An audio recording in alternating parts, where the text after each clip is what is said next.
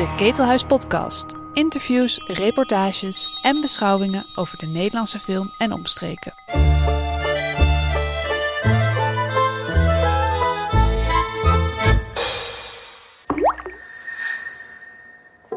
Nou, welkom bij het Ketelhuis ITVA Journaal 2022. Met dit keer Aandacht voor de openingsfilm All You See, de eerste lange documentaire van Niki Padidar.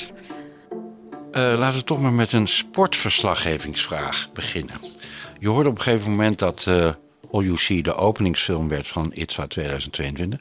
Wat ging er door je heen? verwarring vooral. Ik werd op kantoor geroepen bij ITVA. Of tenminste, ik kreeg een mailtje. Kan je vanmiddag even langskomen? Heel last minute. En deze film had een track record van dingen die misgingen. Dus ik dacht, wat kan er nu nog misgaan? Gaan ze hem terugtrekken uit de selectie? Wat is er gebeurd? Dus met, dat, met die gedachte ging ik daarheen. En toen zei eh, de artistieke directeur Orwa, die zei... eh, So, how about opening film? En toen zei ik van ITVA... En eh, toen moest hij hard lachen. Zei hij nee, van de Berlinale. Nou goed. Dus het, het heeft, ik zei, geef me heel even voordat het allemaal indaalt. Want dat is heel onwerkelijk. Ja, het is wel geweldig natuurlijk. Hè? Ja, het is echt fantastisch. Eh, en hoe lang ben je blij geweest? Nou, ik heb eigenlijk vanaf dat moment vrij weinig kunnen voelen. Omdat ik helemaal vol zat met alle last minute dingen regelen. De première voorbereiden. Poster, trailer, stills, uitnodigingen, première. Ja. Dus ik hoop morgen iets te kunnen voelen.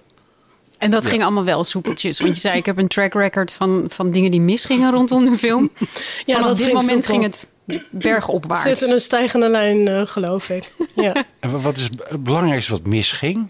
Wat is de grootste ramp geweest tot op heden? Nou ja, eh, corona hielp niet echt, eh, Nee. zoals we allemaal weten. Maar eh, ja, sommige ehm, hoofdpersonen vinden was soms lastig. Dat, die kwamen niet allemaal tegelijk, zeg maar. Ehm, ik heb een dochtertje gekregen, dat was absoluut geen ramp, maar dat heeft ook wat tijd gekost. Het is wel lastig. Het als was je een, een film beetje maakt. lastig tussendoor, ja. Dus nou ja, dat soort dingen. Eh, over die fantastische hoofdpersonen gaan we het straks nog hebben. Dat is natuurlijk één van de krachten van de, van de film. Je zegt vroeg in de film, eh, als voice-over... eh, op een dag werd ik midden in de nacht uit mijn bed gehaald. Ik heb opeens een nieuw leven, een nieuw uiterlijk. Alles is gewist wat ik vroeger was. Alleen ik weet nog wie ik ooit ben geweest. Nou, de tekst komt jou bekend voor. Ehm, zou je kunnen zeggen dat jouw film gaat over, ehm, over de status van de eeuwige immigrant? Ja, de eeuwige nieuwkomer, denk ik. Dus eh, hoe lang blijf je nieuw? Dus we hebben het over nieuwkomers, maar Khadija in mijn film is al 30 jaar nieuw. Maar ze is nog steeds nieuw. Ja. En toen ik ook zocht naar nieuwkomers, ehm, had ik bijvoorbeeld... toen ik Khadija zocht op Facebook een oproep geplaatst. Ik zoek iemand die nieuw is en grappig is. Dat waren mijn enige twee criteria. En toen hadden we een dag gepland met allerlei interviews met vrouwen die nieuw waren. En bleken er een paar hier geboren. Maar die waren dus getipt door mensen als nieuwkomers. Dus zelfs als je niet nieuw bent, word je tot die categorie geschaard af en toe. Als je er maar voor andere mensen nieuw uitziet. Eh, dat vond ik wel tekenend voor waar de film over ging. En waren er ook, hadden zich ook niet grappige mensen aangemeld? Ja. En die vielen dus af. Nou ja, grappig was een beetje ook flauw van mij, maar ik wilde het niet meteen heel serieus. Eh, mensen denken met zo'n onderwerp dat het altijd om zielige verhalen moet gaan of, of heel eh, serieus moet zijn. En ik vond het ook wel leuk om iemand te hebben, omdat we er samen een beetje om konden lachen ook. Ja, want volgens mij is dat, dat is echt de kracht ook van je, van je film. Is je, je zit in hetzelfde schuitje als, als deze de eeuwige nieuwkomers eigenlijk. Ehm, en je kan dus inderdaad met ze meelachen. Was jouw persoonlijke betrokkenheid die je, die je hebt in die film, hè, dat je er persoonlijk ook in voorkomt, was dat eigenlijk meteen vanaf het begin af aan al de bedoeling? Ja, het begon eigenlijk met eh, dat ik een beetje ging opschrijven over de tijd dat ik net in Nederland was en daarvoor. En ik begon een beetje naïef aan dat ik dacht, ja, wat valt er nou over te vertellen? Toen had ik opeens 17 A4'tjes volgeschreven. En eh, dus die werden een beetje de basis van de film. Dus het was al wel duidelijk dat mijn verhaal een rol zou spelen. Maar ik wist ook dat ik niet wilde dat het om mij ging of om alleen maar om mijn verhaal. Ik wilde niet iets wat particulier zou zijn, maar meer een thema waar meer mensen in zich zouden kunnen herkennen. Ik denk dat je ook nieuw kan voelen of bekeken kan voelen als je nieuw bent in een dorp of in een klas of op een nieuwe werkplek. In meer of mindere mate hebben we er denk ik allemaal mee te maken. Je zei ook, je zei ook in de film van ik heb het hier eigenlijk nooit over met mensen. Was het prettig om het nu gewoon wel met iemand hier over te hebben? Om dat ook af te spreken. We gaan, dit is het onderwerp. Nee. Nee, want ik heb heel lang weerstand gevoeld en heel onbewust denk ik, of ja, dit vermeden. A, omdat het altijd gerelativeerd of ontkend wordt als je het erover hebt. Dus dat, dat is vermoeiend genoeg om het er maar niet over te hebben. En je wil niet in die hokjes. En je hebt het gevoel dat als je nou als allochtoon zogenaamd ook nog eens iets over allochtonen maakt, ja, dan zet je jezelf weer in dat hokje. Dus het is heel dubbel. Dus ik voelde heel veel weerstand en ik ben ook niet iemand die heel snel heel veel persoonlijke dingen deelt. Dus al die dingen bij elkaar was het wel een proces. Hmm. Nou, persoonlijke dingen. Een van de meest gevoelige momenten is dat jij vertelt dat je op een gegeven moment bij een uh, douane kwam. Ik weet niet of dat Amerika was of, of gewoon Polen was dat. Polen. En die douanier vraagt aan jou, waar kom je vandaan? Je zegt Amsterdam. Nou, dat bedoelde hij niet. Nee, en dat toen zei, hij Toen zei Iran, toen zei hij, waar is je boerka? En dat werd jou even te veel. Dat is een heel persoonlijk moment in de film. Vind ik mooi, maar vind jij te ver gaan dan? Um, nou, ik vond nu wel passen, ook omdat ik andere personages persoonlijke dingen laat vertellen. Uh, dus dan vind ik dat ik dat zelf ook moet doen. En ook omdat het in dialoog is met Khadija, een van de hoofdpersonen. Dus ik heb me ook expres door haar laten interviewen, want ik, ik wilde niet een heel geconstrueerd iets van mij, een monoloog wat ik zelf had geschreven en dan ergens op ging lezen in een studio. Ik wilde dat het wat echter werd. Dus dan heeft zij mij ook vragen mogen stellen. En als dat dan ontstaat en het is gewoon wat het is, ja, dan um, is het misschien ook goed om dat gewoon te laten horen. Nou, prachtig. Ja, uh, uh, voor haar bewaar je die uh, prachtige anekdote over de dode Fred. Wat natuurlijk een vrij hilarisch moment is. Hoe de fuck is Fred? Wie is Fred in godsnaam? Ja. We moeten dit beter uitleggen. Gaditja heeft een collega die is overstuur. En uh, haar Fred is dood. En Gaditja weet niet wat, wat is. Wie is, of wat is, Fred, Fred haar man? en het blijkt dan dus inderdaad een huisdier te zijn. En wat ik zelf heel erg prachtig vind, is dat zij op dat moment ook zegt: van ja, wat.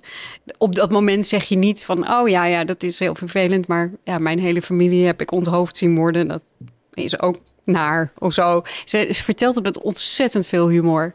Dat is Ja, een goed, hele goede hoofdpersoon. Ja, en, en ik vind het ook heel mooi dat, die, dat het lachen ook soms overgaat in iets heel pijnlijks. eh, en dan weer terug naar het lachen gaat. Want dat is ook hoe je, zij ermee dealt, hoe ik ermee deal. Of ja, het is een prettige manier om ermee om te gaan, zeg maar. Het is ook grappig. Mijn vriend lacht ook heel vaak. Mhm. Zoals er weer een vraag aan mij wordt gesteld. Of we gingen een keer bij iemand langs, een wat oudere vrouw. Die hij al langer kende. Toen kwamen we binnen. Toen zei ze: Welkom in Nederland tegen mij.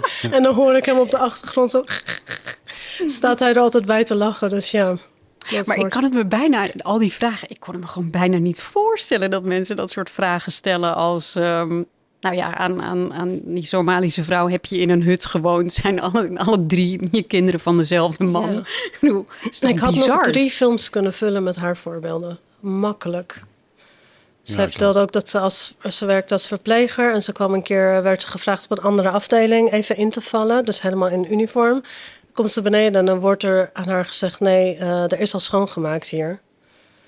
En dan staat ze dus gewoon in dezelfde kleren als waar zij in staan, maar die mensen zien dus iets anders. Dat is gewoon dat gegeven is heel, heel vreemd. Dat weglachen is dan toch ook gewoon een verdedigingsmechanisme. Ja, want wat zij zegt, wat moet je er anders mee? Anders heb je de altijd 24-7, zegt zij, Ja. een psycholoog nodig. Dus eh, ja, je lacht er maar af en toe om. En het komt ook niet altijd binnen. Soms, ik moet er ook wel eens om lachen. Of ik denk, ah, laat maar lekker gaan. En dan 9 van de 10 keer is het oké. En de tiende keer ben je of boos of verdrietig. En dan kan je weer opnieuw beginnen. Ja, Ja. Floortje en ik hebben het van tevoren over gehad. eh, en, en vroegen ons af, zijn die Nederlanders echt zo dom? Ik weet niet of het dom is. Ik denk dat, dat we gewoon een eh, soort zelfbeeld hebben waar, niet, waar we niet aan mogen komen. Dus als, als we denken met z'n allen, wij zijn heel tolerant. En dit soort dingen gebeurt in andere landen, maar niet hier. Dan is het heel moeilijk om te accepteren dat het hier misschien ook zou kunnen gebeuren. Dat voel ik vooral. Als iedereen het de hele tijd relativeert, Zoals ik voorbeelden noem, zeggen mensen heel vaak: ja, maar is dat niet gewoon goed bedoeld? Mhm. Uh, of ja, was dat niet uh, omdat, omdat je daar toevallig stond? Of ja, er zijn toch ook heel veel toeristen in Amsterdam. Ik word ook wel eens in het Engels aangesproken. Mensen halen de gekste redenen erbij om maar eigenlijk te zeggen: dit gebeurt niet echt. Hmm. Dat moet toch met ons zelfbeeld te maken hebben, denk ik. Zo'n douanebeambte is een vrij extreem voorbeeld. Maar heb je er echt, uh, heb je er echt dagelijks last van? Of ben je er zo aan gewend, zoals een van je hoofdpersonen eigenlijk eraan gewend is, van oké, heel vervelend, heel stom, maar oké. Went dat of eigenlijk niet? Nee, eigenlijk niet. Want gek genoeg, het komt zo vaak voor, maar toch verwacht je het elke keer weer niet, omdat je er niet mee, zelf niet altijd mee bezig bent. Dus als ik de hond uitlaat, en mijn vriend wordt in Nederlands aangesproken en daarnaast ik in het Engels. Of als ik in, in een bakkerij kom waar ik al heel vaak ben geweest. Uh, en ik word weer in het Engels aangesproken. Of iemand gaat langzamer praten of beter articuleren als ze tegen je praten. Ja, dat went gewoon niet. Omdat eigenlijk zegt, wordt elke keer tegen je gezegd of... Hallo, je bent niet van hier. Of hallo, je bent dom. Of, uh, nou, wat praat je goed Nederlands? Nou ja, ja, dat zeg je natuurlijk niet tegen iemand... tenzij je verwacht dat diegene gewoon in staat is om een taal te leren. Je zegt ook heel nadrukkelijk... ik voel me wel verbonden met Nederland... maar ik blijf een Iraanse vrouw. Had dat anders gekund? Um, nou, ik denk dat ik deels... Ik was zeven en zeven is best wel, toch best wel oud. Omdat je wel veel van je roots meekrijgt. Ook gewoon gevoelsmatig. Dus dat speelt een beetje mee. Maar ik denk ook dat het niet helpt dat je inderdaad uh, zo vaak wordt aangesproken op het feit dat je niet van hier bent. Dus dan krijg je ook niet echt, ontstaat er ook niet een ruimte om je Nederlands te gaan voelen of te denken: ik hoor hier of zo. Dan heb je hoop dat het nog beter wordt? Ja, die hoop is er. Hm? ik weet niet wanneer of hoe, maar ja, alle beetjes helpen misschien. Oké. Laten we het eens over de vorm hebben. Vorm en inhoud vallen natuurlijk samen. Ja. Uh, laten, we de, uh, laten we de vorm maar speels noemen. Kan je daarin vinden? Of vind je dat te frivol? Speels. Wat, wat vond je speels? Um, het poppenhuis. Uh, uh, ik vind zelfs de prachtige openingsscène waarin dat kleine meisje een beetje onhandig en een beetje droevig naar ons, de toeschouwers, kijkt. Ja, vind ik te gek. Maar ik, ik vind het een hele vrije vorm. Mm. En je, je, je, korte films, zover ik die gezien heb, die zijn ook heel speels en uh, uitbundig of frivol. Of... Ja, ik weet niet of ik het frivol vind, maar ik, uh, misschien klopt het wel dat ik niet, me niet aan regels hou of zo. Want in de, deze film zitten ook veel verschillende vormen door elkaar. Daar hebben we ook wel eens discussies over gehad. Van, hè, kom je nou opeens met foto's aanzetten, maar dat heb je tot nu toe niet gedaan. Hè, krijgen we nou weer archief? Uh, ik denk, ja, nou en. Als het maar gewoon op dat moment doet wat het moet doen, dan... En vorm en inhoud vallen heel erg samen. Dus ik heb nooit gedacht, ik moet een vorm voor de film hebben. Maar die, uh, zoals jullie hebben gezien, zitten die hoofdpersonen in soort betonnen hokken. Nou, dat was bijvoorbeeld een beeld dat meteen bij me opkwam. Omdat je, als je die vragen krijgt en in zo'n ander leven terechtkomt, kom je in een soort vervreemding terecht. Een soort nieuw leven waar van alles aan ontbreekt en niks meer aan klopt. Maar tegelijkertijd gaat het leven door alsof er niks aan de hand is. En dat is een gevoel dat je alleen zelf voelt en ziet. En nu wilde ik dat eigenlijk zichtbaar maken, ook voor de buitenwereld. Van soort parallele universum waar de hoofdpersonen zich naast de dagelijkse realiteit in begeven. En die vervreemding waar ze in zitten. Nou ja, dus je stopt ze ook letterlijk in een hokje. Ja, ja dat was een bijkomstigheid. ja. Je hebt uh, verschillende hoofdpersonen. Um, je hebt ook een meisje uit Oekraïne die hier net is. Uh, die is nog heel hoopvol in dat ze helemaal zeg maar, uh, deel kan uitmaken van dit Nederlandse leven. Die heeft gekeken hoe je vrienden moet maken via cartoons en via televisie of via films. Ja. Um, die is nog heel hoopvol dat dat gaat lukken. Je hebt aan de andere kant heb je Gadisha die dat niet meer heeft. Jij zelf zit daar eigenlijk tussen. Je zit op een punt dat je denk ik niet meer die hele, dat hele hoopvolle hebt. En um, dat afgestompt bijna. Welke kant ga jij nu op na deze film? ja, uh, nou in ieder geval dat ik er wat over mag zeggen. ik had mezelf uh, ook gewoon aangeleerd om er nooit iets over te zeggen. En het is wel fijn om daar nu gewoon even lak aan te hebben en niet na te denken over hoe komt het over of wat vinden mensen hiervan of mag ik dit wel zeggen. Uh, geloven mensen het wel, maar gewoon te zeggen wel hoe het is. Dus dat is heel prettig. En ik denk niet dat Khadija afgestompt is hoor. Ik denk dat zij gewoon een manier heeft gevonden om ermee te dealen. En zij is natuurlijk veel verder dan Hanna, die hier pas een paar jaar is. En ik denk ook dat het een beetje bij het proces hoort van proberen, proberen, alles, doen, alles doen om, om de regels te leren kennen, om erbij te horen. En op een gegeven moment heb je alle boxen uh, afgevinkt, zeg maar. En dan nog krijg je die vragen. En ik denk dat Khadija daar is, dat je denkt, ja, wat wil je nou van me? En dat is met zo'n boerka ook. Als ik denk, als ik op het vliegveld met een boerka had gelopen, hadden mensen gezegd: hey, pas je eens aan, je woont nu hier en uh, doe even normaal. En loop ik in een hemdje, spijkerbroek en slippers, dan krijg ik: hé, hey, waar is je boerka? Dus je komt op een punt waarbij je denkt: ik kan het volgens mij niet goed doen wat ik ook doe. En ik weet niet of dat afgestompt is of gewoon een soort realisatie. En wat je daar dan mee doet, weet ik niet. Nou ja, dan maakt het dus niet meer uit wat je doet. Dan kan je gewoon, dan kan je los van alles eigenlijk het is wel door. Bevrijdend. Dat kan niet anders. Ja, ja. Goed, de, de podcast staat donderdag online. Uh, terwijl de openingsavond nu nog moet plaatsvinden. Want het is nu maandag als we, als we, als we jou spreken. Hoe denk je dat je voelt donderdagochtend?